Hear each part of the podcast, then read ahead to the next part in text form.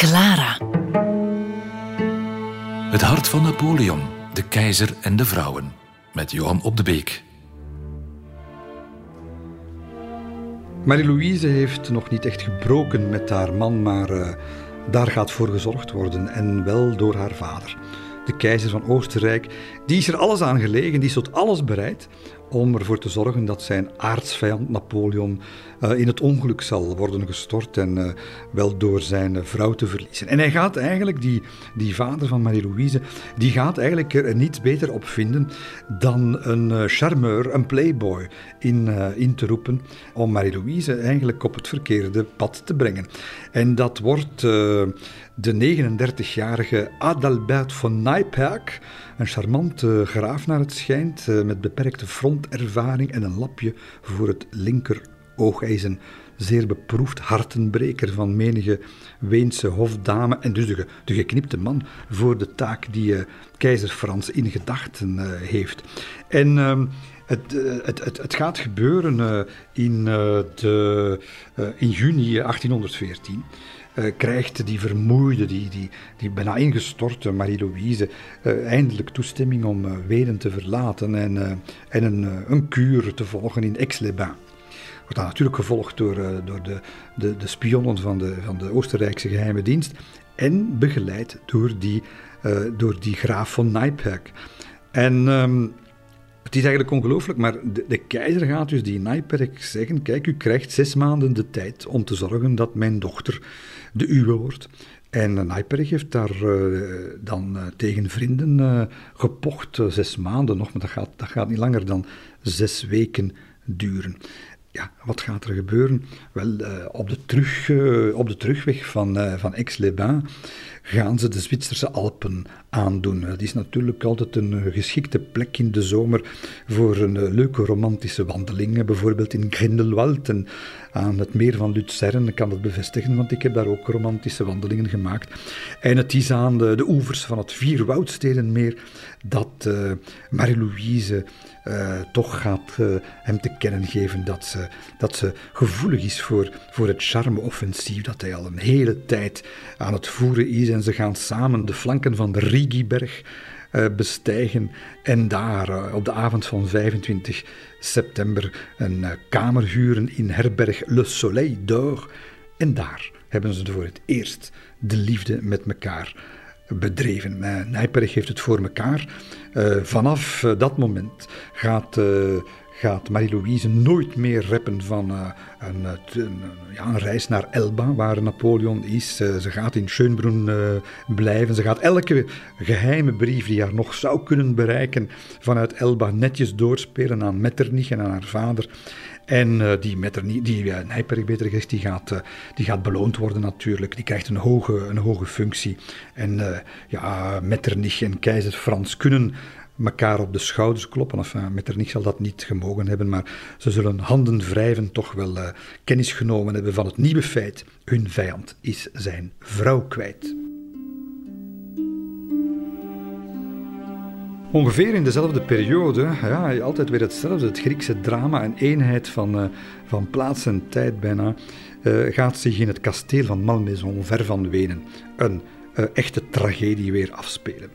En het is Hortense die, die op een bepaald moment merkt aan haar moeder, aan Josephine, dat die ziende ogen haar zin in het leven aan het verliezen is.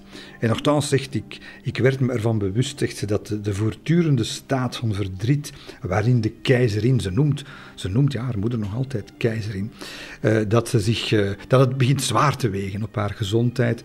En uh, vanaf het moment dat Hortense alleen met haar is, met Josephine, dan ziet ze dat haar ogen zich vullen met tranen. Hè. Voortdurend haalt ze het beeld voor de geest van van, uh, van Napoleon, die daar alleen op zijn, uh, op zijn eiland zit. En dat idee, zegt Hortense, dat idee leek haar te vernietigen.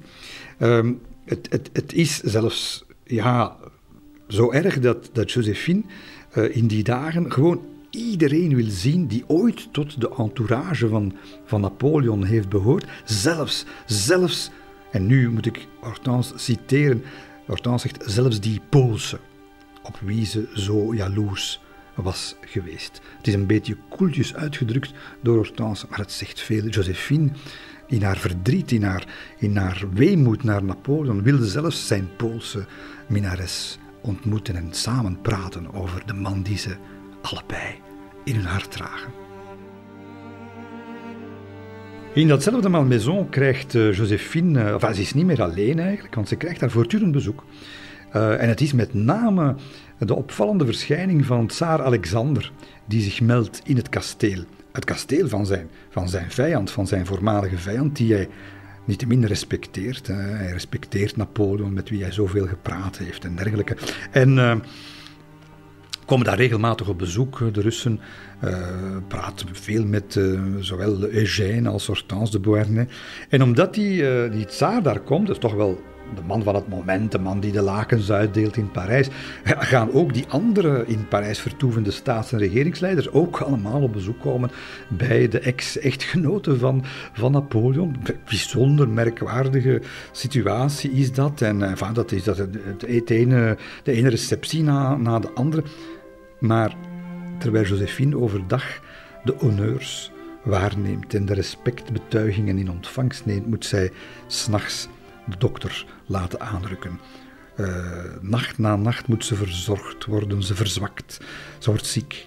En het is voor iedereen uh, die haar uh, bijstaat duidelijk dat er iets serieus aan de hand is. Tsaar Alexander zal zelfs zijn lijfarts, zijn persoonlijke arts sturen. En ze komen allemaal tot de conclusie: er, ja, het, het, het, het dreigt afgelopen te zijn met, met uh, Josephine op 28 mei. Ze slaagt er nog nauwelijks in om adem te halen, begint het bewustzijn te verliezen, te eilen. En wat komt er nog uit? Paar woorden, nog drie woorden die voortdurend terugkomen. Dat is Bonaparte, dat is Elba en dat is de koning van Rome, Rome. Dat zijn de woorden die voortdurend op haar lippen liggen terwijl ze zwetend van de koorts en dergelijke ligt te eilen, te prevelen. En de dokters geven alle hoop eigenlijk op. En ja, nauwelijks een maand voor haar 51ste verjaardag gaat ze overlijden. Op 29 mei 1814, klokslag het middaguur. De, ja, de rechtstreekse, want dat is dan de oorzaak, ja goed, de rechtstreekse doodsoorzaak is longontsteking. Maar de eigenlijke diagnose, die wordt niet door een dokter onder woorden gebracht die wordt onder woorden gebracht door haar kamermeid, eh, mademoiselle eh, Avrillon. En eh, die zegt het heel gevat. Josephine, Josephine is niet gestorven aan een of andere ziekte. Josephine is gestorven aan hartzeer. Ik weet niet wat ik heb, heeft ze die, die kamermeid verschillende keren gezegd. Ik weet niet wat ik heb, maar soms overvalt mij zo'n diepe tristesse dat ik er wel zou kunnen aan sterven. Dat heeft ze verschillende keren uh, gezegd. En wanneer Napoleon op Elba dat, uh, dat overlijden maanden later, dan nog dankzij tussenkomst van Colincourt, uh, gaat te weten komen, dan gaat hij natuurlijk, ten eerste, hij gaat in, in zak en as zitten, maar hij zal natuurlijk absoluut willen weten, wat is er gebeurd, wat is de oorzaak van, van het overlijden, zo jong en dergelijke. En, en de, de dokter gaat hem onomwonden zeggen, het is onrust en verdriet geweest. En, en Napoleon vraagt met, met de quoi, waarover dan? En de dokter heeft gezegd: Over wat u is overkomen, sire.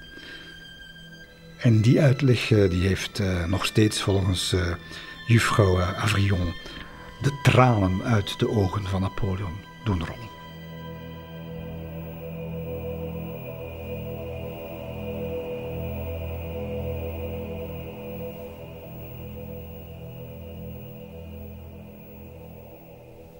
Het is allemaal een bevestiging van, van het idee dat er op Elba, uh, in, het, uh, in het hart van Napoleon, uh, en dat is eigenlijk ook de, de, de rode draad in, in het boek Het Hart van Napoleon, dat er altijd plaats is geweest, niet voor één, niet voor twee, maar voor drie vrouwen tegelijkertijd. Want ondanks al die smart, uh, wille van, van de dood van Josephine, is zijn aandacht eigenlijk tegelijkertijd constant ook gericht op die andere vrouw in Wenen, de andere keizerin in Wenen. Hoop nog altijd dat ze komt. tegen Peter weet in. In feite laat die hele Villa Mulini, waar hij verblijft, die je nog altijd kunt gaan bezoeken trouwens, verfraaien en ombouwen. En, en wie daar geweest is, die kan dat zien. Dat is, dat, dat is een, een, een, een paleisje dat, dat gericht is niet op militaire glorie en, uh, en keizerrijk. Het is, een, is een, een, een woning. Een woning voor een gezin. Een woning die, die hunkering uitstraalt naar nestwarmte. Die, die slaapkamer. Dat, dat zegt alles. Slaapkamer waar, ze, waar nooit iemand geslapen heeft. Hij zou er alleen geslapen hebben, moest Marie-Louise gekomen zijn. Met die uh, zoldering, uh, die uh, schildering, dat tafereel op de zoldering. Hij heeft daar opdracht gegeven aan een, aan een plaatselijke schilder om, om een tafereeltje te schilderen. Dat zijn twee duiven die verbonden worden door een touw. In een knoop gelegd en die knoop die snoert zich vaster aan naarmate de twee duiven uit elkaar vliegen. Ja, veel, veel duidelijker kan de symbolentaal echt niet zijn. En daarom is het natuurlijk ja, ook zo, zo moeilijk en complex om te duiden wat er uh, vervolgens op 1 september zich gaat afspelen op Elba. Want terwijl het hart van Napoleon vervuld is van de dode Josephine, van de weg, uh, weggebleven uh, Marie-Louise, komt daar heel speciaal bezoek naar het verbanningseiland in het begin van september. Het is niet Marie-Louise, maar het is wel de eeuwig trouwe Maria Walewska. Ze vertrekt uh, samen met haar zus Antonina en haar oudste broer en natuurlijk het zoontje, het zoontje Alexander, de kleine van, van Napoleon. Eh, naar, eh, naar Elba.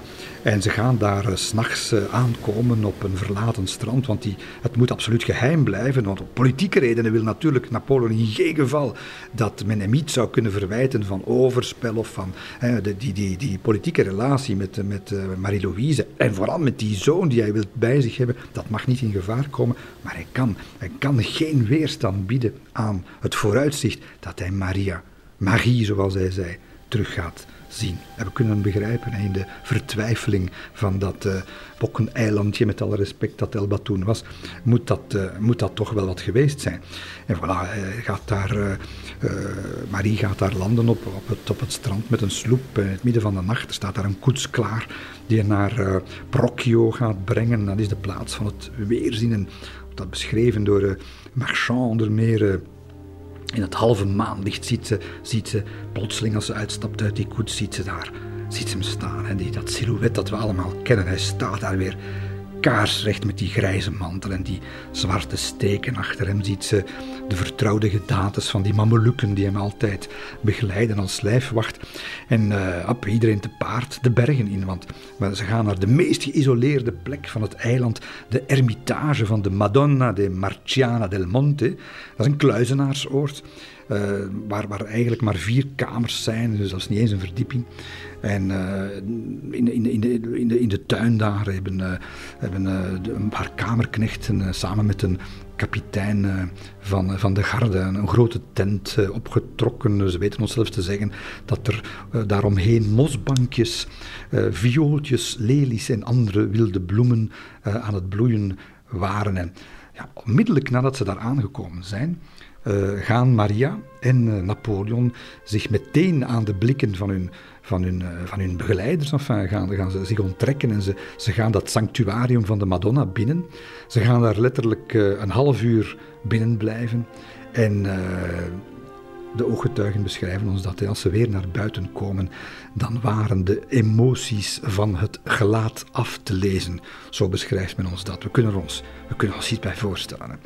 En dan gaan ze, ja, ze gaan de hermitage ter beschikking hebben voor een nacht. Hè. En, uh, Napoleon die, die gaat in, in de tent slapen, op dat fameuze bloementapijt daar. En, en de dames, dus de twee Walewska-zusters met het zoontje, die gaan in de hermitage. En wat we natuurlijk allemaal willen weten, maar wat we nooit gaan weten waarschijnlijk is, heeft Napoleon de nacht in die tent alleen doorgebracht?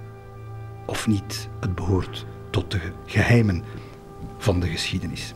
Tegen de ochtend, het kan weer niet symbolisch, er gaat daar een geweldig oorverdovend onweer losbarsten over het eiland, waarna de zinderende warmte van de zomer zich weer over het gezelschap gaat storten. Ze gaan nog enkele heerlijke momenten beleven.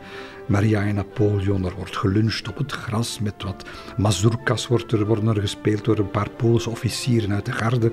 Uh, en hij, hij gaat vooral spelen hè, met de kleine, met zijn kind, hè, secondenlang. Uh, vertelt uh, Marchand, gaat hij dat jongetje, die Alexander, die hem natuurlijk niet, niet kent, misschien niet, niet eens weet wie het is. Hij gaat, gaat, gaat hem tegen zijn lichaam drukken. En hij, hij wendt het hoofd af van de, van de toeschouwers. En ja, we kunnen ons alleen maar inbeelden wat er in het hoofd van, van de twee ouders uh, moet gespeeld hebben. En ze gaan nog met hun drietjes nog, uh, nog een paar wandelingen maken naar de, de San Cerbone-kerk op de Monte Capana. Het is even, uh, ja, het is een paradijs. Uh, even is het het paradijs. Tot, een paradijs dat blijft niet duren. Op 3 september, plotseling een aide de camp, een orthodox, die komt aanlopen met alarmerend nieuws. Want in Portoferraio, dat is de, de hoofdplaats van Elba, daar loopt het gerucht dat Marie-Louise ontscheept is. Wat is er gebeurd? Wel, dat is toch weer niet onbekend gebleven. Zo gaat het de geruchtenmolen dat daar een, een mysterieuze mevrouw met een kleine, met een jong, klein jongetje op, uh, op uh, clandestien eigenlijk op het eiland is geland. En men denkt, de inwoners van Elba denken, dat is Marie-Louise, want die is eindelijk gekomen. En dat is natuurlijk meteen paniek, want, want, want ja, ze, ze gaan ontdekt worden. En ja, het wordt, ze, moeten, ze moeten uit elkaar. Kunt u dat voorstellen? Uh, ze moeten afscheid nemen. En om negen uur s'avonds stapt hij, Napoleon, met Maria aan de hand. Over het strand, hè, naar de sloep die hen naar, uh, naar open zee gaat brengen. En hij, hij buigt zich nog even voorover. Hij omhelst zijn zoontje. En men hoort hem nog iets fluisteren dat, uh, dat niet voor, voor andere oren bestemd was eigenlijk. En hij zegt: Adieu, cher enfant de mon cœur.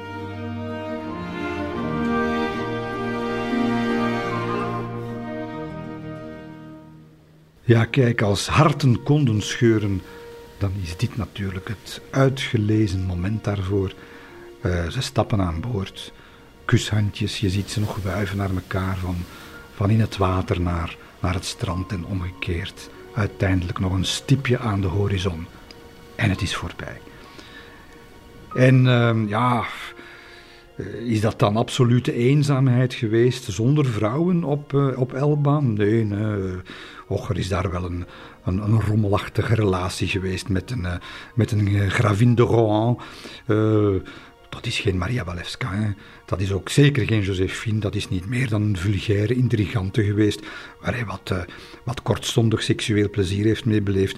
Maar plezier, het is misschien al te veel gezegd. Nee, geen dag gaat voorbij of Napoleon vraagt, smeekt om nieuws uit Wenen. Nieuws dat, dat natuurlijk niet, niet gaat komen. Hè. Dat, dat, dat blijft uit. De correspondentie wordt ook natuurlijk gesaboteerd door de, door de Oostenrijkse geheime dienst. En zo groeit dat besef in de Villa Molini dat hij zijn zoon is kwijtgeraakt. Dat hij zijn echtgenote, de keizerin, is kwijtgeraakt. En het brengt hem tot opstand. Het begint te broeien bij die man. En vooral omdat je. Er zijn nog andere redenen natuurlijk. Er worden huurmoordenaars opgepakt op Elba die hem naar de andere wereld willen helpen. Uh, men wil hem geen geld meer, geen dotatie meer geven. Er zijn geruchten dat hij misschien zou geschaakt worden en nog veel verder weggeborgen zou worden ergens. En voilà. Uh, het, de, de, de, de, de spreekwoordelijke druppel die de emmer doet overlopen, uh, is natuurlijk, in mijn interpretatie in elk geval, het, de stommiteit die men begaan heeft, de geallieerden door hem af te snijden van, ja, van, van Marie-Louise en van, en van zijn zoon. Uh, ik ga ervan uit, als je die brieven leest in die tijd, de, de gemoedsgesteltenis van, van, van Napoleon begrijpt, dan is die man gewoon klaar voor zijn pensioen.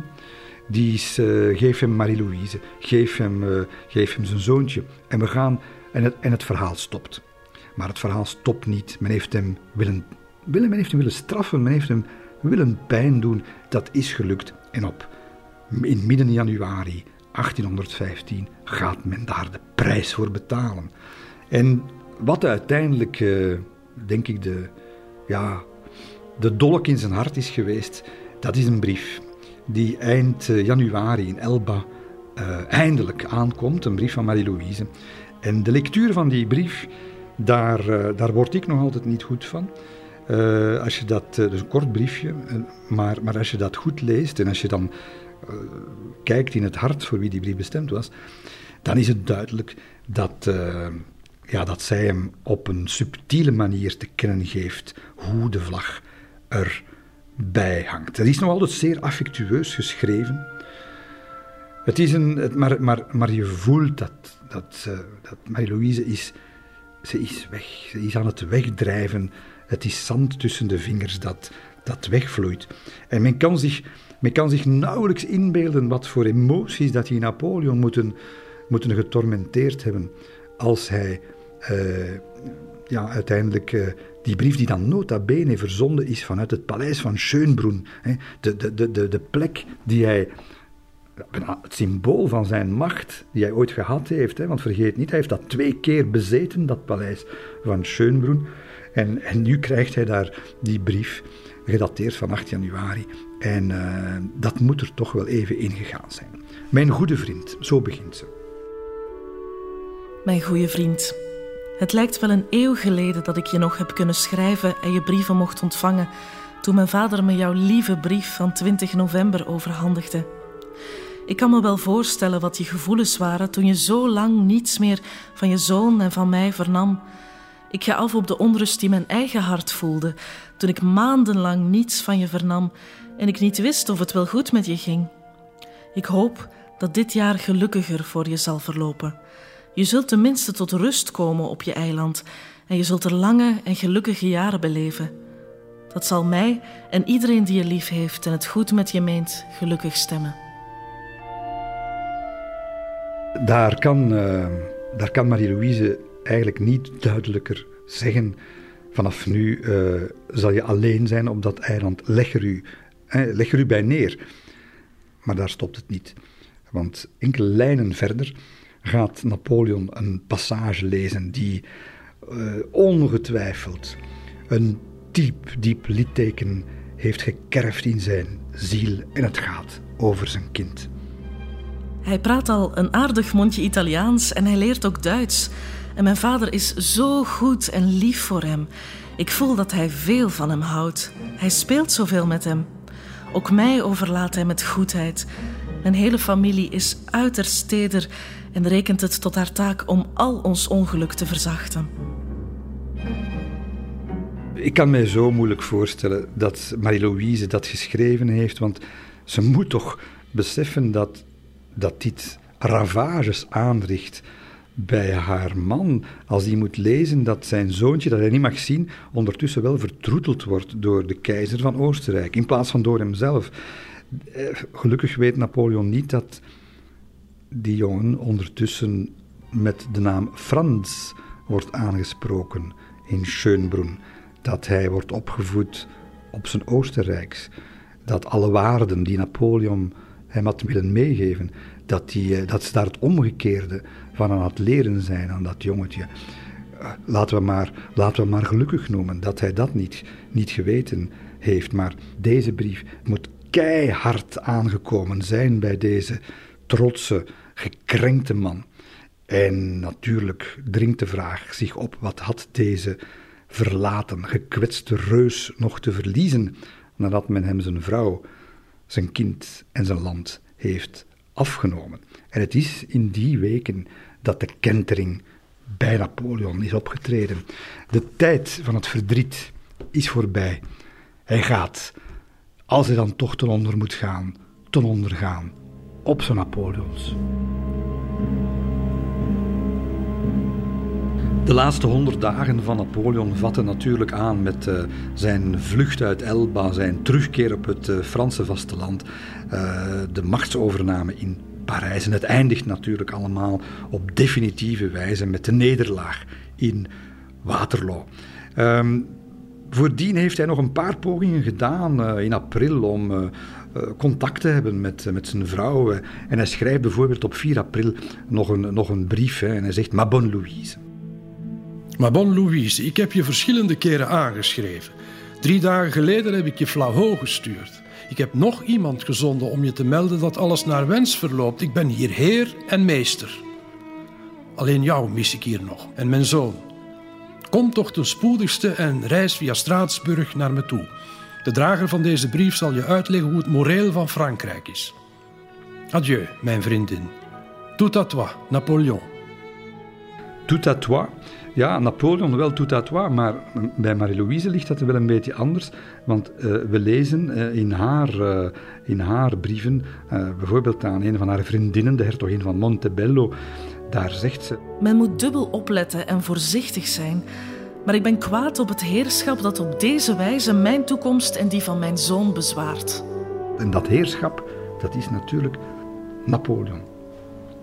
Die brieven, die paar brieven die nog vanuit Parijs naar Wenen gaan, die worden allemaal gelezen natuurlijk door Metternich, door, door de keizer. En niet alleen door de Oostenrijkers, maar ze bestaan het om uh, de intieme brieven die Napoleon stuurt aan Marie-Louise, om die eigenlijk te publiceren. Te publiceren binnen het congres van Wenen, dat ondertussen uh, samen is in de Oostenrijkse hoofdstad. En dus alle congresleden die dat willen, krijgen dat te lezen.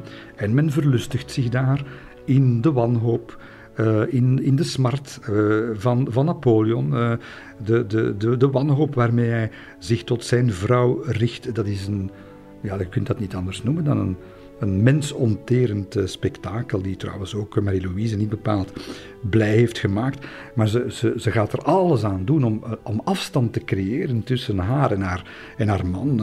Alle, alle keizerlijke adelaars worden van haar koetsen gehaald. Alle Franse hovelingen die ze nog rond zich heeft, die worden weggestuurd. Ook, ook Madame de Montesquieu. En Madame de Montesquieu, dat is de gouvernante van haar zoon. En, en die zoon die heeft eigenlijk, in, in die paar jaartjes dat hij leeft, heeft eigenlijk meer gehad aan Madame de Montesquieu, de gouvernante, dan aan zijn eigen moeder, die hij niet zoveel gezien heeft. En dat wordt toch wel een klein dramatje als die moet weggaan, want zij, hij is daar heel verdrietig over. Maar dat zal de Oostenrijkse, de Habsburgse harten niet verwurven. Ze, ze moet weg. En uh, ja, dat, dat gaat ertoe leiden dat uh, in, de beste, in de beste keizerlijke traditie van het ancien regime, dat, uh, dat de kleine Napoleon ja, dat hij niet alleen geen vader gaat hebben, want dat gaat een schim uit het verleden worden, maar dat zijn moeder eh, ook een soort van vage bekende is. Die ziet hij één of twee keer per jaar. En voor de rest van de tijd wordt hij door gouvernantes opgevoed, helemaal volgens die Oostenrijkse traditie. Geen gelukkig leven zal de zoon van Napoleon beschoren zijn. Ehm, voor Waterloo plaatsvindt weten we dat uh, af en toe Napoleon nog even een paar uurtjes gaat tijd maken uh, voor zijn privéleven. En zo bijvoorbeeld gaat hij samen met Hortense, zijn stiefdochter, die hij, toch, die, toch wel heel graag had hoor, gaan ze nog uh, samen nog een keertje naar Malmaison. En Malmaison, het is een soort van tijdelijke ontsnapping uit, uit de harde realiteit van de dag gaat, dan gaan ze bij, beide emoties gaan daar serieus op de proef gesteld worden, want ze gaan natuurlijk, ja, Malmaison is Josephine. Josephine, de overleden moeder van Hortense, de overleden ex van Napoleon, en ze lopen daar door de tuinen en uh, daar is natuurlijk geen sprake meer van al het sprankelend vertoon van vroeger. En uh, Hortense heeft tranen in de ogen, uh, maar ook Napoleon. En, uh, hij zegt tegen haar: Elke plek herinnert me aan haar. Ik kan het niet geloven dat ze niet meer onder ons is, zegt hij terwijl ze daar. En je ziet ze lopen arm in arm door die vertrekken, waarin alles herinnert aan dat prachtige, gelukkige verleden, die enkele jaren van geluk van, van Josephine en Napoleon. En uh, ja, als, uh, als, ze weg, als hij s'avonds weg, wegrijdt terug naar Parijs, terug naar de problemen, dan, dan weten ze alle twee, binnenkort gaat het doek vallen. En inderdaad, een maand later is het zover. Het is enkele kilometers ten zuiden van Brussel, in Waterloo, dat het, dat het allemaal gedaan is. En dat nieuws over de, over de nederlaag van Napoleon in, in België, dat gaat natuurlijk voor grote vreugde zorgen in Wenen, ook, ook bij Marie-Louise. Eh, ze, neemt, ze neemt nog wel de moeite om haar vader, per brief trouwens, eh, te vragen om niet al te streng te zijn voor de eh, verslagen Napoleon, maar de manier waarop ze zich daarover uitdrukt, zegt ook weer zeer veel. Ik hoop dat men hem met goedheid behandelt en ik vraag u, vader, om daartoe bij te dragen, want ik ben hem toch wel enigszins erkentelijk, omdat hij me heeft laten leven in een rustige onverschilligheid, in plaats van me ongelukkig te maken.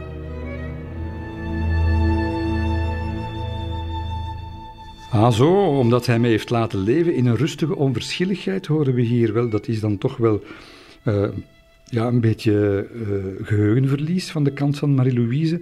Als we dan ons herinneren uh, wat voor innige brieven ze met haar man heeft uitgewisseld en hoe ze ja, daar toch heel wat genegenheid heeft voor getoond. Maar goed, dat is dan genoteerd. Hè. En als ze dan nog een klein beetje verdriet zou gehad hebben, dan zal graaf Nijperg daar wel raad mee geweten hebben, hè, nietwaar? Want uh, de man blijft natuurlijk voortdurend in haar omgeving en zal er trouwens ook kinderen mee hebben. Waterloo, dat betekent dat de, de keizer nog vier dagen in functie zal blijven in Parijs. En in het Élysée afwacht, uh, een beetje verslagende gebeurtenissen afwacht in een stormachtig Parijs trouwens, waar, uh, waar geruzied wordt over de toekomst van het land en de, toekomst van Napoleon zelf, maar zijn lot is, is bezegeld. Hè. Hij zal opnieuw troonsafstand moeten, moeten doen. En ehm, even, even nog is er toch weer dat sprankeltje menselijkheid in het in het, in het keiharde verhaal dat zijn leven nu geworden is. Want wie daagt daar in het Elysée weer op als, uh, ja, als enige, als enige uh, vrouw, als enige, als enig teken van, van, van, van menselijkheid? Dat is Maria Walewska. Ze komt hem weer eens opzoeken in deze uren van, van grote nood. En ze heeft uh, opnieuw haar zoontje bij, zijn zoontje, kleine, de kleine Alexandre, dat liefdeskind uit de gelukkige tijden. Uh, ze hebben daar nog een paar woorden met elkaar gewisseld, enfin, nog een uurtje met elkaar gepraat. En dat gaat toch eigenlijk weer over het veiligstellen van, uh, van de toekomst van, van Maria en, en de zoon.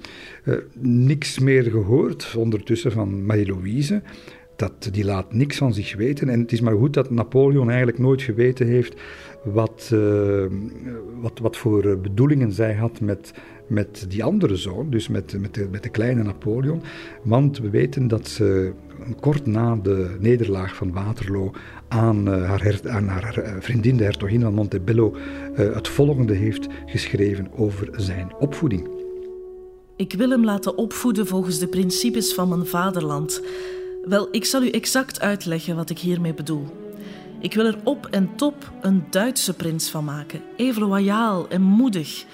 Ik wil dat hij, als hij eenmaal volwassen is, zijn nieuwe vaderland dient en het waard is om vergeleken te worden met Leopold de Magnifique of prins Eugène. Het zullen zijn talent, zijn geest, zijn ridderlijkheid zijn die hem een naam moeten bezorgen, want die welke hij van zijn geboorte heeft meegekregen, is helaas niet mooi. Op 22 juni gaat in het Elysée voor de tweede maal eh, een akte van troonsafstand worden ondertekend door Napoleon en hij besluit om te vertrekken naar de haven van Rochefort in de hoop eh, van daaruit Amerika te kunnen bereiken. Maar hij gaat Frankrijk natuurlijk niet verlaten zonder, en dat is toch zo typisch voor de man die altijd versleten wordt als een harteloze krijgsheer. Nee, het allerlaatste wat hij doet, voor hij de, de vlucht inzet, dat is een bezoek brengen aan het kasteel van Malmaison. Dat is natuurlijk zeer veelzeggend. Dat is de plek waar zijn hart ligt. Dat is de plek waar het geluk, eh, het schaarste geluk dat hij gekend heeft in zijn leven, gehad heeft.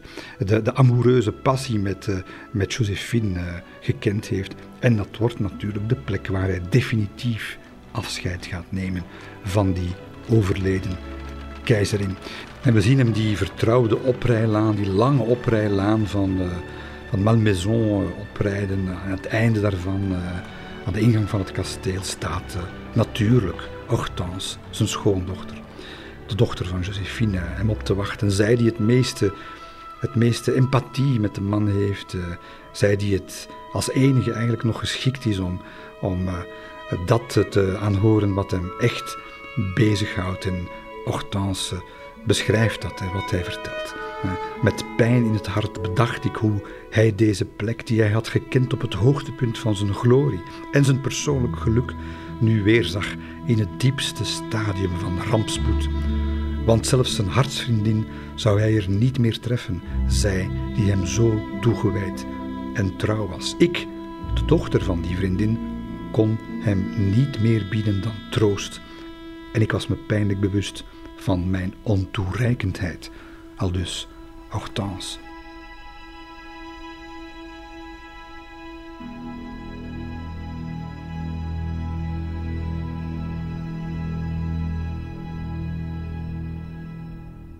Ja, enkele uren later uh, gaat zich in diezelfde tuin, die prachtige uh, tuin van Josephine, nog een merkwaardige ontmoeting afspelen.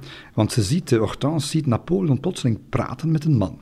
En die man heeft een jongetje aan de hand dat naar schatting zo'n negen jaar is. En ehm, Napoleon vraagt aan, aan Hortense, hij vraagt, merk je niks aan die, aan die jongen? En ze bekijkt dat knaapje is en ze zegt, sire, dat, dat kan toch niet anders zijn dan een zoon van u? want hij lijkt, die lijkt gewoon op twee druppels, als twee druppels water op eh, de koning van Rome. Stom verbaasd is ze. En inderdaad, het blijkt om Leon te gaan. En wie is Leon? Wel, dat is de zoon die Napoleon uh, uit zijn uh, lang geleden avontuurtje met Eleonore de Nuel, een van zijn minnaressen, heeft, heeft gehad. En uh, Hortense zegt, ik had nooit gedacht dat het contact met dat jongetje mij zo, mij zo zou, uh, zou aangrijpen. En waarom is Leon daar, dus dat jongetje? Wel, dat is natuurlijk omdat zijn moeder ook in de buurt is. Opvallend, op het moment dat Napoleon op zijn allerdiepste uh, dieptepunt is gevallen, dat velen, de meesten in de politiek, en dergelijke hem hebben laten stikken, gaan zich daar ja, we hebben al gezien, Maria Walewska heeft zich aangediend in het Elysée, maar gaan zich in Malmaison een aantal dames komen aanbieden. Aanbieden, ik bedoel daarmee uh, afscheid komen nemen. Eleonore Dunuel komt daar uh, naartoe. Ook zijn voormalige minares Marie-Antoinette Duchâtel uh, gaat zich melden. Mademoiselle Georges, weet wel, die, die jonge actrice waar hij zo'n fantastische avonturen mee gehad heeft.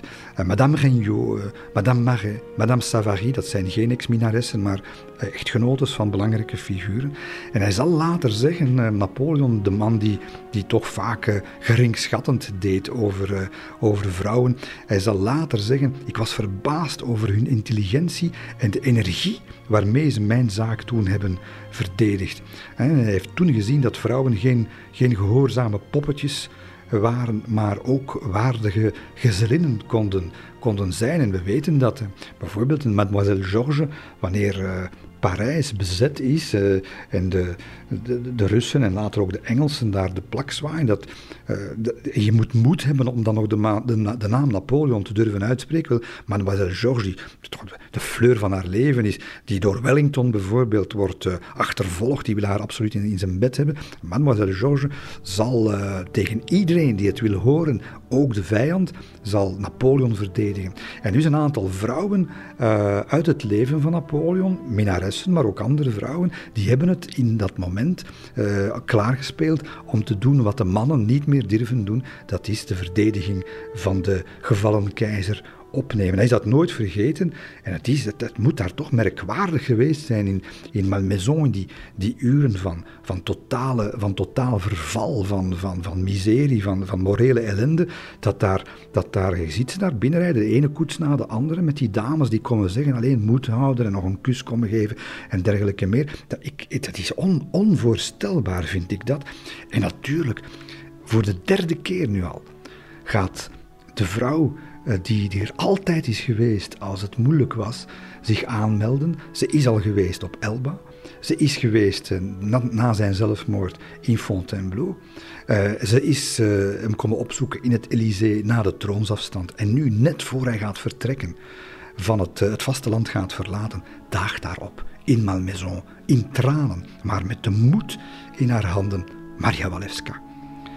En het is, ja, het is eigenlijk het is ontroerend dat uh, Hortense, die daar toch de, de vroegere rivalen van haar eigen moeder ziet opdagen, dat die uh, erin slaagt om haar weerzin tegen die Poolse vrouw naar de achtergrond te verwijzen.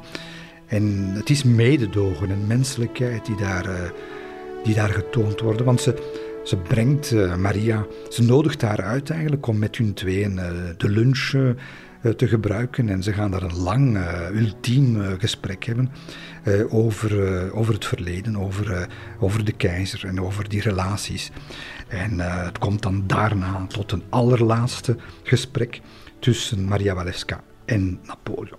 En Maria gaat zeggen: Kijk, waar gij ook heen gaat, waar het lot u ook brengt, ik ga mee. En je denkt dan, je hoopt dan dat Napoleon gaat zeggen: Kom, we gaan de rest van ons leven uh, samen doorbrengen, we gaan de reis van het leven samen voleindigen. En wat doet hij? Hij wijst dat aanbod van de hand. Ze gaan uit elkaar. Het is de laatste keer dat ze elkaar gezien hebben. En de, de laatste uren gaan ja, dat, van, dat, van dat ongelooflijke afscheid, van dat grootse verleden, die gaan in de grootste tristesse doorgebracht worden. 29 juni, Malmaison wuift de keizer definitief uit. Ze staan daar, uh, zijn moeder, Madame Mère, Hortense, de broers Lucien, Joseph een aantal generaals. Hortense uh, gaat hem nog gauw wat uh, diamanten toestoppen. Uh, ja, je weet maar nooit hoe het leven nu zal gaan. En dan is het tijd om te gaan. Hoog tijd, want er zijn Pruisen gesignaleerd in de buurt. Maar Napoleon is nog niet klaar om te gaan. Hij, hij raakt niet weg. Hoe kan hij ook die plek, die, die magische plek van, van Malmaison, verlaten zonder die eh, allerlaatste groet te brengen aan eh, Josephine. En dus eh, gaat hij op zijn eentje naar boven, naar de slaapkamer, die u nog altijd kan gaan bezoeken, die grote, ronde slaapkamer waar ze de beste ogenblikken van hun leven hebben gehad, waar ze een jaar geleden is gestorven. En ja, toen ik die kamer voor de eerste keer zag, dan, ik heb ze gezien met de ogen die hij uh, met de ogen die, waarmee hij ze toen gezien heeft, dat, dat donkere bordeaux, dat goudbrokaat, die zijde, die vergulde zwanen, die vrouwelijke sensualiteit die hij in alles, in die, in die empire-stijl ziet uitgedrukt. En, uh, en je ziet hem, je ziet hem met, met de hand uh, in, de, in de veston, met de, met de hoed in de andere hand, die, die kamer binnengaan. Lange tijd heeft hij daar gestaan voor dat bed van, van de keizerin. En toen hij buiten kwam, terug naar beneden is gekomen, hè, dan hebben alle aanwezigen uh, de bloed doorlopen ogen gezien. En daar hebben ze de gedachten kunnen lezen, die in die laatste ogenblikken in Malmaison, in zijn hoofd hebben gespeeld. Adieu, ma mère is het laatste wat uh, ze, hebben, ze, hebben, uh, ze hebben horen zeggen uh, toen hij van Letizia, van Madame Mère, heeft afscheid genomen. Adieu, mon fils, heeft de Corsicaanse gezegd. En weg was hij.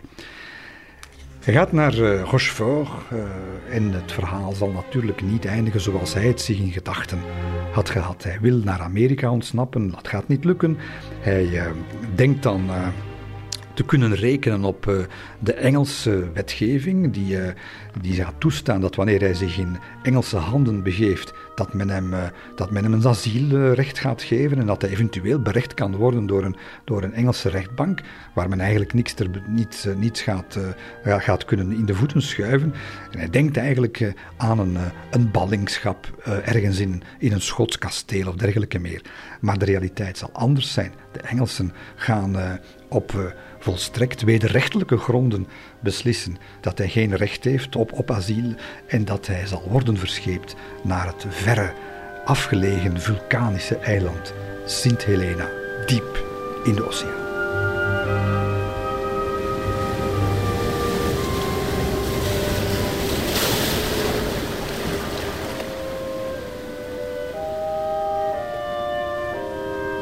Als de Northumberland, het uh, admiraalschip uh, waar Napoleon zich op bevindt, op 15 oktober 1815 de steven wendt naar de kust van Sint Helena, dan is de, het eerste wat Napoleon zegt: Was ik maar in Egypte gebleven.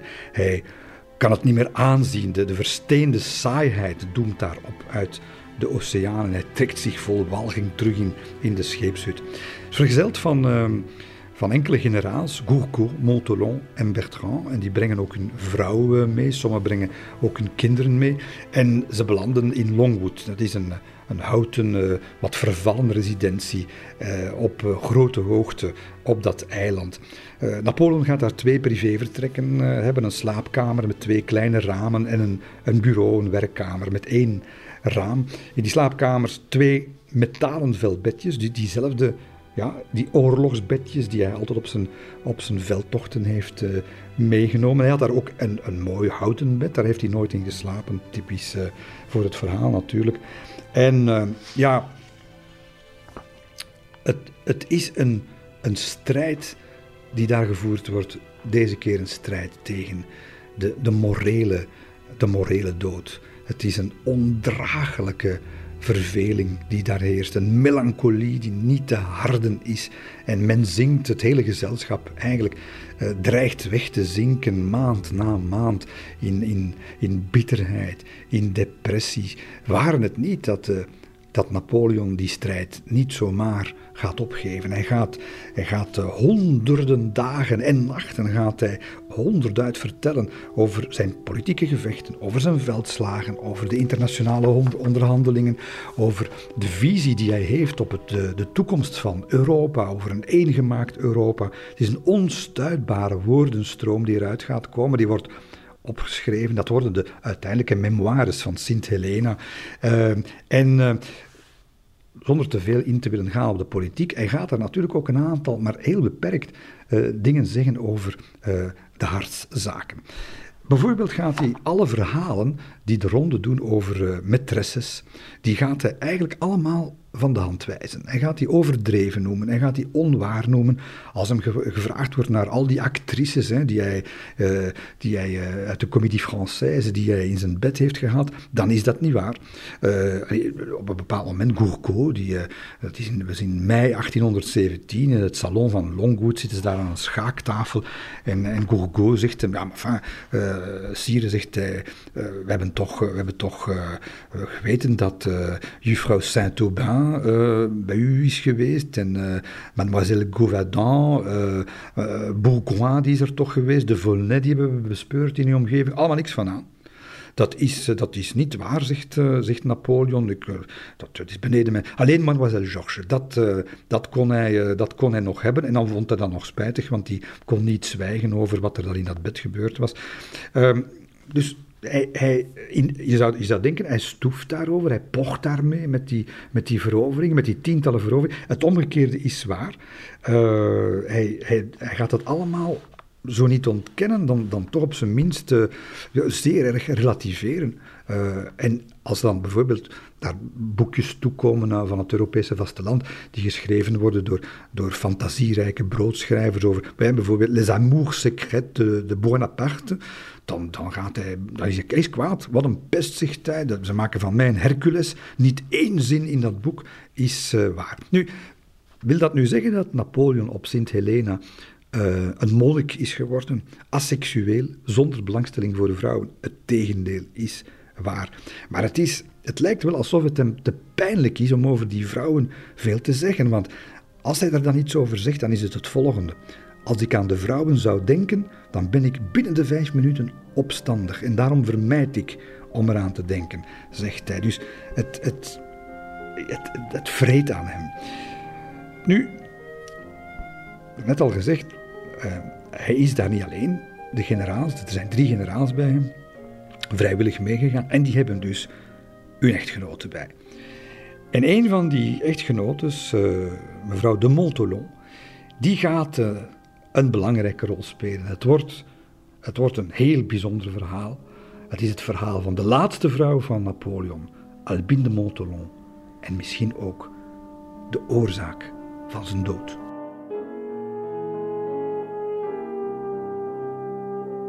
Albine de Montholon, getrouwd met uh, de graaf de Montholon, is geen onbeschreven blad als uh, rond uh, in de omgeving van Napoleon verschijnt. Ze heeft al een reeks minnaars gehad lijkt toch wel... Ze ziet Charles, dus haar echtgenoot, echt wel graag. Dat, dat lezen we in de, in de correspondentie tussen die twee. Maar dat, zijn, dat zijn libertijnen. Dat zijn mensen die het leven langs de losse kant nemen. En er gaat zich, er gaat zich in, de, in de, de laatste jaren van het leven van Napoleon op Sint Helena een heel bijzondere driehoeksverhouding ontwikkelen tussen die drie mensen. Nu, om te beginnen moeten we uitleggen dat de, de beweegredenen van het echtpaar de Montolon om naar Sint Helena te gaan, ja, je gaat daar niet voor je plezier naartoe. Je weet dat dat een, een beproeving gaat zijn. Wat waren de redenen waarom ze dat deden? Trouw aan de keizer, ja, maar eigenbelang, dat zou ook wel eens kunnen geweest zijn, want ze waren blut, dat moeten we erbij zeggen. En ze hoopten waarschijnlijk wel op een fikse vergoeding voor de bewezen diensten op Sint Helena. Zo is het begonnen, maar hoe het zich zou ontwikkelen, dat gaan ze zeker en vast niet voorzien kunnen hebben. Het is zo dat uh, Napoleon in die, in die eerste jaren tussen 1815 en 18, 1818 dat hij toch wel gaat imponeren uh, Sint Helena, door zijn intellect, door zijn kennis, door zijn, zijn eruditie. En uh, zowel Albin als Charles de Montolon raken helemaal in, in de ban van zijn figuur. Uh, Albin raakt echt gefascineerd uh, en daar gaat een, een, een echte diepe genegenheid uit voortspruiten. En hij beantwoordt die. Aan tafel mag ze altijd aan zijn linkerhand zitten. Als ze binnenkomt in, uh, in het enige gemeenschappelijke vertrek van Longwood, dan is het uh, altijd hetzelfde wat hij zegt. Daar komt ze weer, hij heeft het dan over Albin. Daar komt ze weer alsof ze gisteravond naar de opera is geweest. ze flirt hem op. Ze gaan samen in de calèche wat rondrijden op dat kleine eiland. Wandelingen maken die dan meer dan twee uur duren. ze gaat hem af en toe opzoeken in zijn badkamer, waar hij naakt in zijn bad zit. Enfin, dat begint daar toch wel redelijk intiem te worden. En er kan ook geen enkele twijfel over bestaan dat wanneer Albin uiteindelijk uh, redelijk lange tijd in Napoleons slaapkamer gaat verblijven, dat haar echtgenoot dat moet geweten hebben. Ze leefden daar op een postzegel. Ze leefden daar, ze, zaten met me, op mekaars neus. Alles was geweten daar in dat kleine, in dat, in, in, in dat kleine Longwood. En hij moet dus geweten hebben dat het op een bepaald moment, van absolute bewijzen hebben we daar niet van, maar alles wijst in die richting, dat Albin en Napoleon tot de daad zijn overgegaan. Was dat, uh, ja, waarom was dat dat Montauban, de graaf, dat geduld heeft? Want hij heeft er niks over gezegd ja, is dat die eeuwenoude, feodale, aristocratische gewoonte dat een edelman zijn vrouw af en toe eens afstond aan de vorst. De droit de cuissage, zoals men zegt. Was het, was het uit pure hè, adoratie voor de keizer? Was het een soort van tijdverdrijf misschien voor dat seksueel, nogal libertaire echtpaar? Of was dat allemaal een deel van de en zitten we een beetje in een machiavellistisch complot, was dat maakte dat deel uit van, van, de, van de inspanningen die de Montelons hebben gedaan om, om wat geld los te krijgen van Napoleon? Of, of wilden ze hem gewoon ja, wilden ze hem helpen om niet weg te zinken in de depressie? Allee, redenen genoeg om te bedenken waarom de Montelon niet gereageerd heeft. Dat is, dat is heel, heel eigenaardig. En aanvankelijk lijkt het erop alsof die beide echte echtgelieden dat, dat, niet, dat niet zo erg vinden wat er gebeurt. Ze, ze hebben dat ja, getolereerd. Albin heeft dat gedaan, wat zo van. misschien een, een, tijdelijke flirtage. De Montolon, haar man, heeft niet gedacht dat dat iets ging worden, maar dat gaat dus. Dat gaat uit de hand lopen. je kunt de Montolon begrijpen, want Napoleon was, laten we wel wezen, als man niet meer, geen competitie voor de Montolon. Napoleon is op dat moment, hij, hij, is, hij is nog geen vijftig, maar zijn lichaam is uitgezakt. Hij is veranderd, hij is zwaar geworden, hij is lelijk geworden. Hij is, hij is geen, krachtige, geen krachtige persoonlijkheid meer, behalve natuurlijk op het psychische vlak. En het is dat dat Albin gaat bekoren. Het is dat dat Albin gaat, gaat, gaat helemaal in, uh, in zijn ban brengen. Uh, dat overspel dat daar uiteindelijk gaat, gaat groeien, wordt door de beide Montolons in feite niet ervaren als overspel, zeker niet als een bedreiging, misschien zelfs niet eens als, als ontrouw. Ze denken op dat moment dat hun liefde eigenlijk sterk genoeg is en, en ze gunnen het in feite Napoleon. En dat gaat veranderen. Daar gaat iets sterks groeien tussen Napoleon en Albin de Montholon. En we weten dat omdat ze op een bepaald moment aan een van de meegereisde uh, hovelingen, Las Cases, heeft gezegd: Kijk, toen ik hierheen kwam naar Sint Helena, ben ik mijn man gevolgd. Maar vandaag ben ik op Sint Helena omwille van de keizer. Albin de was een zeer intelligente vrouw. En die vond het geweldig om naar die lange uh, uiteenzettingen van Napoleon te luisteren over, over, de Côte civile, over zijn campagnes. Als hij Corneille en Voltaire uit het hoofd kan citeren, doe dat maar eens even na. Als hij uit de Odyssee voorleest, terwijl daar twintig mensen ademloos naar die man zitten te luisteren. Het maakt een ongelooflijke indruk op haar. En ze leert, ze leert, Albin leert ook iets kennen. Bij Napoleon. Wat waarschijnlijk geen enkele sterveling buiten Josephine op deze aardbol ooit heeft leren kennen. En dat is het hart van Napoleon. Het is een mens die ze plotseling ziet, een mens die haar bevalt. Hij is ontdaan van zijn keizerlijke macht, maar dus ook van zijn verplichtingen, van zijn verantwoordelijkheden. En dus niet langer genoodzaakt om dat imago naar buitenuit uit te stralen, een rolletje te spelen. En hij openbaart zich en hij, en hij zegt tegen haar, aan Albin de Montolon, uh, hij zegt dat ook letterlijk. Toen ik op de troon zat, heb ik mezelf een masker van hardheid en onbuigzaamheid opgezet. Om de intriges van het hof de baas te kunnen en niet door al die lui te worden beetgenomen. Albin de Montolon weet dus door te dringen tot onder de schors. En als hij s'avonds na het eten voorleest, dan is ze helemaal in vervoering. En uh, niemand heeft hem dus ooit zo gezien. Het enige wat ze niet zo apprecieert is zijn visie op vrouwen, want die is nog altijd onveranderd conservatief. Uh, Corsicaans. Uh, hij maakt tegen haar grapjes. Dat in de Arabische cultuur, dat is, dat, is, een gewoonte om daar de vrouwen op te sluiten, zegt hij. Maar eigenlijk niet zo'n slechte gewoonte zegt Napoleon. Daar kan uh, Albine echt niet mee lachen. Vrouwen, zegt Napoleon, dat is eigenlijk het bezit van de mannen. Hè. Dat is, een despoot, antwoordt zij hem dan. En ze gaan daar behoorlijk over discussiëren. En, en ze gaat zeggen, hij was eigenlijk bang om gedomineerd te worden door, door vrouwen, hè, zegt Albine de Montolon. In de vrouw ziet hij een bijzonder goed gewapende vijand, die bovendien zeer gevaarlijk was, omdat die vijand zich als zwak uitgeeft. Ja, je ziet dat zij heel goed doorheeft hoe die Napoleon zijn bovenkamer in elkaar uh, steekt.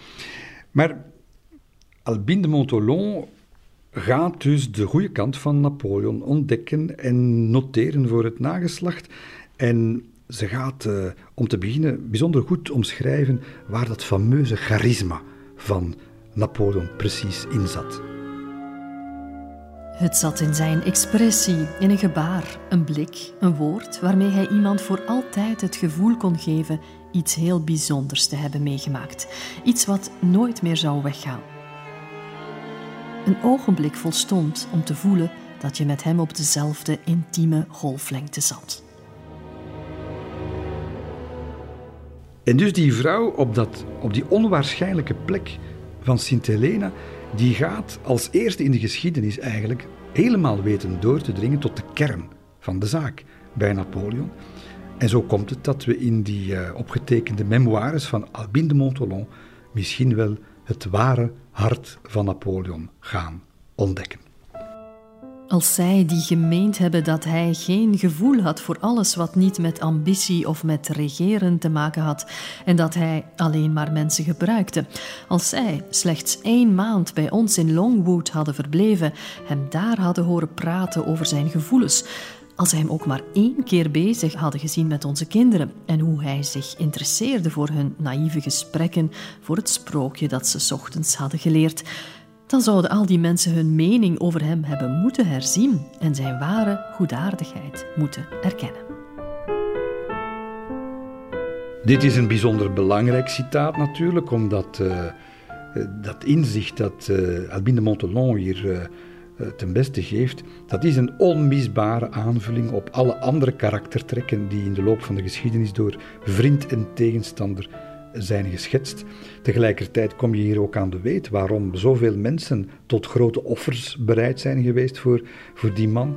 En ja, de, charisma, de, maar ook het, het, het, de intieme kant, de verborgen kant van Napoleon. Ze weet dat hier meesterlijk te beschrijven en het maakt ons ook duidelijk dat er zeer intieme betrekkingen zijn geweest tussen de twee. En dat gaat zich uiten op 26 eh, januari 1818, want dan gaat Albin de Montolon bevallen op Sint Helena. En dat kindje dat geboren wordt, heeft eh, twee bijzonder opvallende kenmerken. Ten eerste, het is een meisje, lijkt sprekend op Napoleon.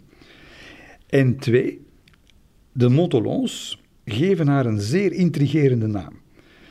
Want men gaat dat kind, uh, drie, vier namen, maar de laatste twee namen zijn, hou je vast, Josephine Napoleon. Men gaat daar trouwens in de omgang voortdurend Josephine noemen.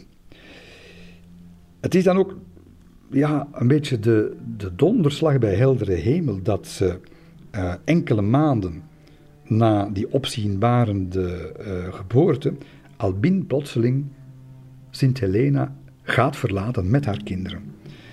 Zij is daar drie jaar geweest. Uh, en waarschijnlijk, maar we weten dat ook weer niet zeker, is dat gebeurd op bevel van Napoleon. Die daar zelf niet goed van wordt. We weten ook uit de, de getuigenverklaringen dat wanneer zij wegreist van uh, Sint Helena, dat Napoleon aan de kant staat van op, van op de rotsen naar het schip kijkt en, en, en er kapot van is. Nochtans zou je dat zelf gewild hebben. En we weten dat van uh, Albins eerste dochter, die later in haar memoires zegt: Mama heeft een ziekte voorgewend. Om, om, om dus een, een reden te hebben om dat eiland te verlaten. Maar in werkelijkheid had ze een geheime missie gekregen van de keizer uh, om, om uh, een geheime missie bij de familie Bonaparte in, uh, in Europa. En we, hebben, we, weten, we weten tot op de dag van vandaag niet wat die of dat waar is en wat die missie precies, precies is geweest. Dus dat betekent dat Napoleon zijn minares, een vrouw die hem heel goed begreep bovendien, zijn gezellin, kwijt is. En dat de graaf de Montolon zijn vrouw kwijt is. Voor onbepaalde tijd is hij ook van zijn kinderen gescheiden. En dat gaat zorgen voor spanningen en, en ontreddering op het eiland. Want het gaat merkwaardig genoeg datzelfde jaar met Napoleon plotseling steilberg afwaarts. Hij wordt ziek en hij wordt zieker. En, en hoe is dat dan gekomen? Ja, dan beginnen de, de complottheorieën. Het is bekend dat uh, een aantal historici geopperd hebben dat Napoleon uh, vergiftigd is op Sint Helena. Een stelling die nooit helemaal bewezen is. Uh, was het een, een van de knechten? Was het, waren het de Engelsen? heeft hij zichzelf vergiftigd? Enzovoort zeer ongeloofwaardige theorie. Maar er is één theorie die, die eigenlijk zeer recent is opgedoken en dan nog wel door een nazaat van de Montolon die ergens in een oude schuur die ging afgebroken worden op het domein van de familie manuscripten heeft ontdekt. Van de Montolon, van de familie van, van het echtpaar Montolon. En wat zou daaruit blijken? Wel, de Montolon heeft zeer waarschijnlijk volgens die theorie op een bepaald moment bedacht van kijk, ik moet hier ingrijpen als ik mijn vrouw, die, die miste zijn vrouw verschrikkelijk, en die zou uh, begonnen zijn aan een langzame vergiftigingscampagne van Napoleon. Zodat dat Montolon als enige bijvoorbeeld uh, toegang had en daar alleen was bij de wijnen. De wijnen waar Napoleon dagelijks van dronk.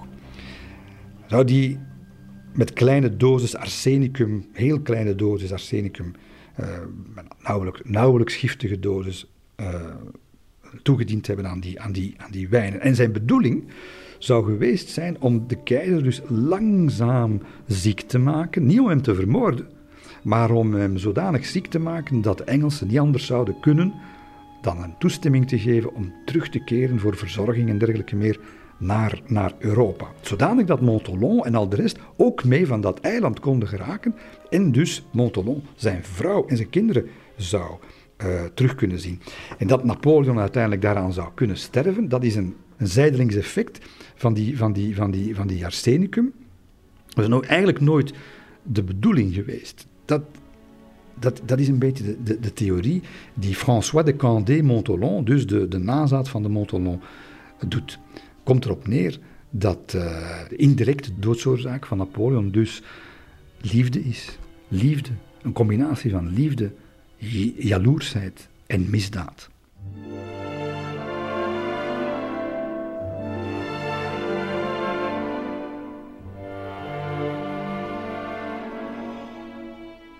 ...1819, 1820. Napoleon wordt zieker, kwijnt weg en vervalt in een diepe depressie. En generaal Gourgaud gaat in 1818 uh, terugkeren naar, uh, naar Europa. En uh, hij, hij, heeft een missie. Gourgaud, die, die werkelijk... Uh, ik denk dat hij zelfs verliefd was op, op Napoleon. Hij draagt hem op handen. En hij gaat zich tot het uiterste inspannen om hulp te zoeken voor zijn chef. En hij gaat, uh, Gourgaud, vanuit Londen trouwens, een brief schrijven aan Napoleons echtgenoot Marie-Louise in, in Wenen. In bewoordingen die zelfs vandaag de dag nog eigenlijk naar de keel grijpen. Het is mijn droevige taak om u te laten weten dat keizer Napoleon langzaam wegzinkt in de verschrikkelijkste en slependste agonie die men zich kan voorstellen. Ja, mevrouw, hij die door de goddelijke en menselijke wetten met u verenigd is, van wie u gezien hebt hoe hij door bijna alle Europese vorsten werd geëerd, van wie ik persoonlijk heb gezien hoeveel tranen u erom gelaten hebt wanneer hij van u verwijderd werd, sterft een gruwelijke dood. Gevangen op een rots in het midden van de oceanen, zonder nieuws van zijn vrouw, zijn zoon, zonder enige troost. Ah, madame, in naam van alles wat u op aarde lief is, in naam van uw reputatie, uw plicht, uw toekomst, alles wat u kunt om de keizer te redden.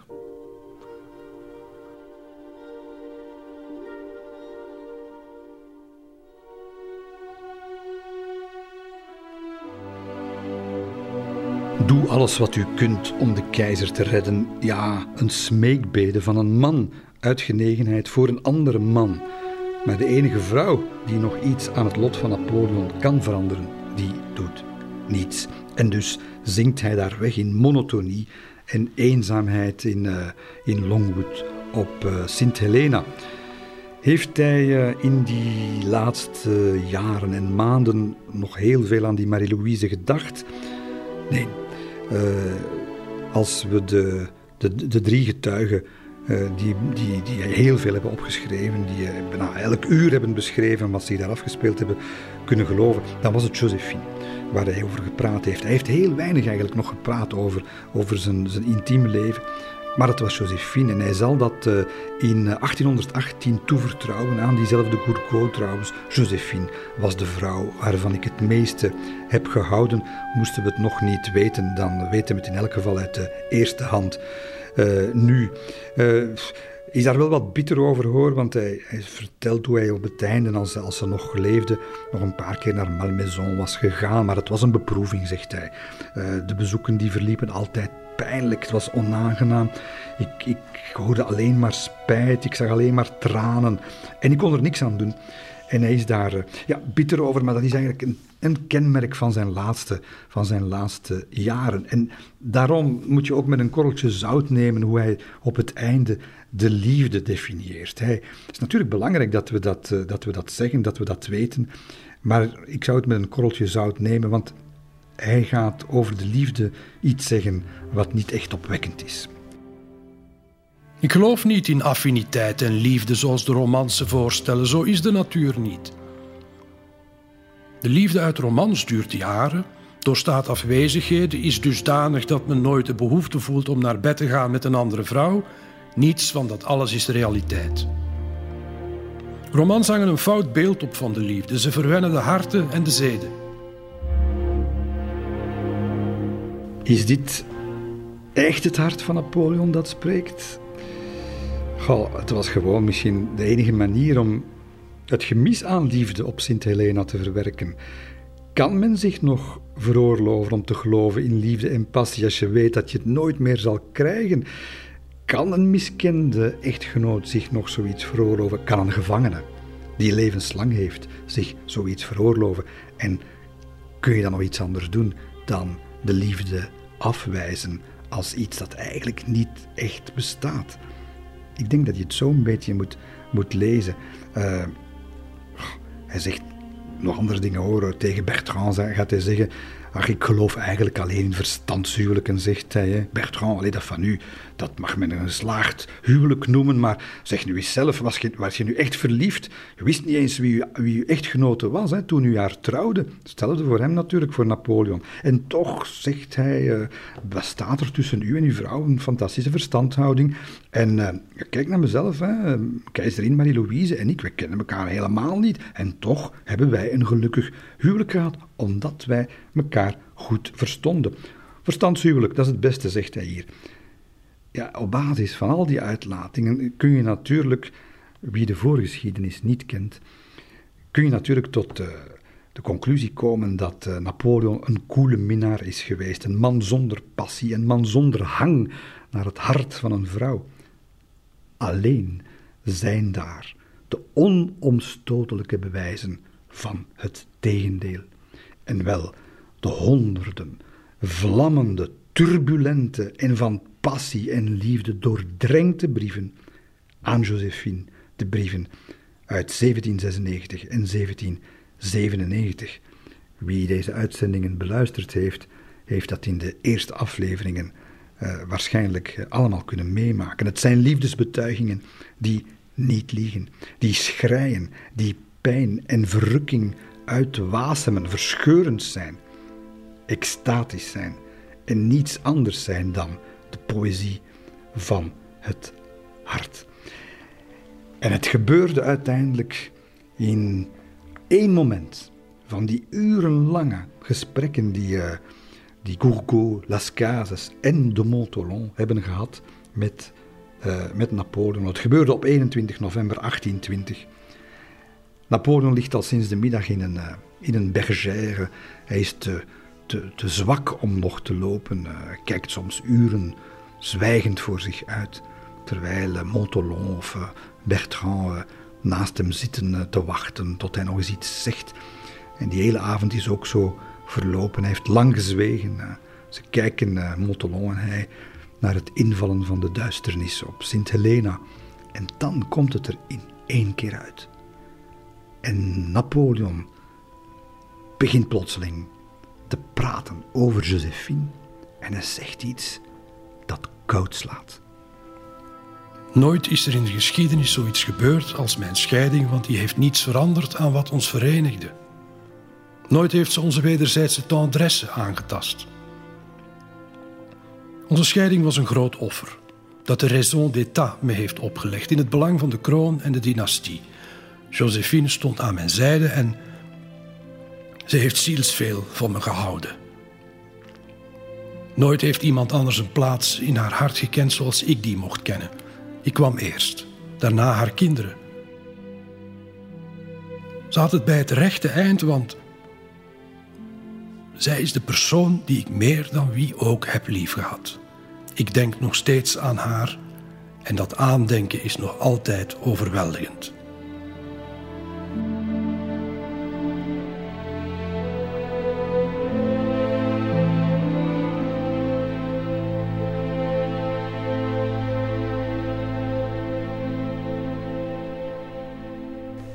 Aandenken is nog altijd overweldigend. Even valt het masker af en de Montolon, die graaf die wist wat echte liefde betekende, die moet even geslikt hebben bij deze woorden. Maar nog meer zal hij geslikt hebben enkele weken later, want dan kwam het einde.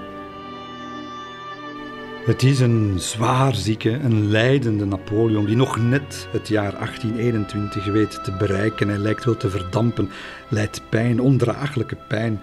Uh, gaat nog een paar hallucinaties hebben over zowel Marie-Louise als, uh, als Josephine. Zijn geest, ja, die, eh, die werkt nog maar sporadisch. Af en toe uh, mompelt hij nog iets en uh, men ziet hem nog een paar keer de ogen richten op dat ene portretje dat, dat recht voor hem hangt in zijn, in zijn slaapkamer. Het is een klein olieverfschilderijtje van Napoleon II, zijn zoon, de zoon van Marie-Louise. veel zinvol komt er niet meer uit. En wat heeft hij helemaal op het einde, wat waren zijn laatste woorden? Wel, och, wat zou ik graag, wat zou ik graag, luisteraar, delen wat de vrouwelijke biografen van Napoleon hebben gezegd over die laatste woorden. Wat zou ik het graag hebben dat het waar was? Namelijk dat zijn laatste woorden Josephine waren.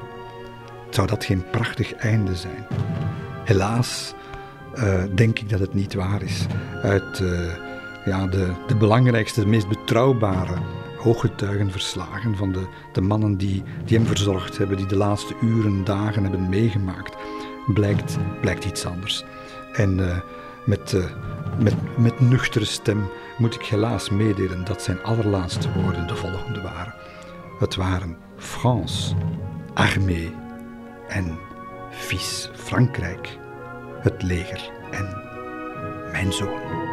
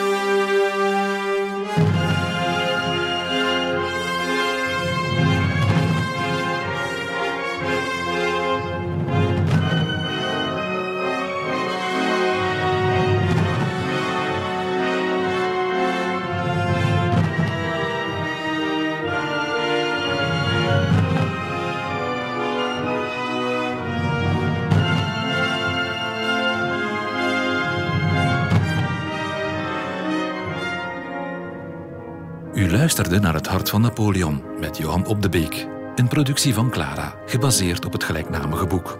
U kunt alle afleveringen beluisteren via clara.be of u kunt zich abonneren op de podcast.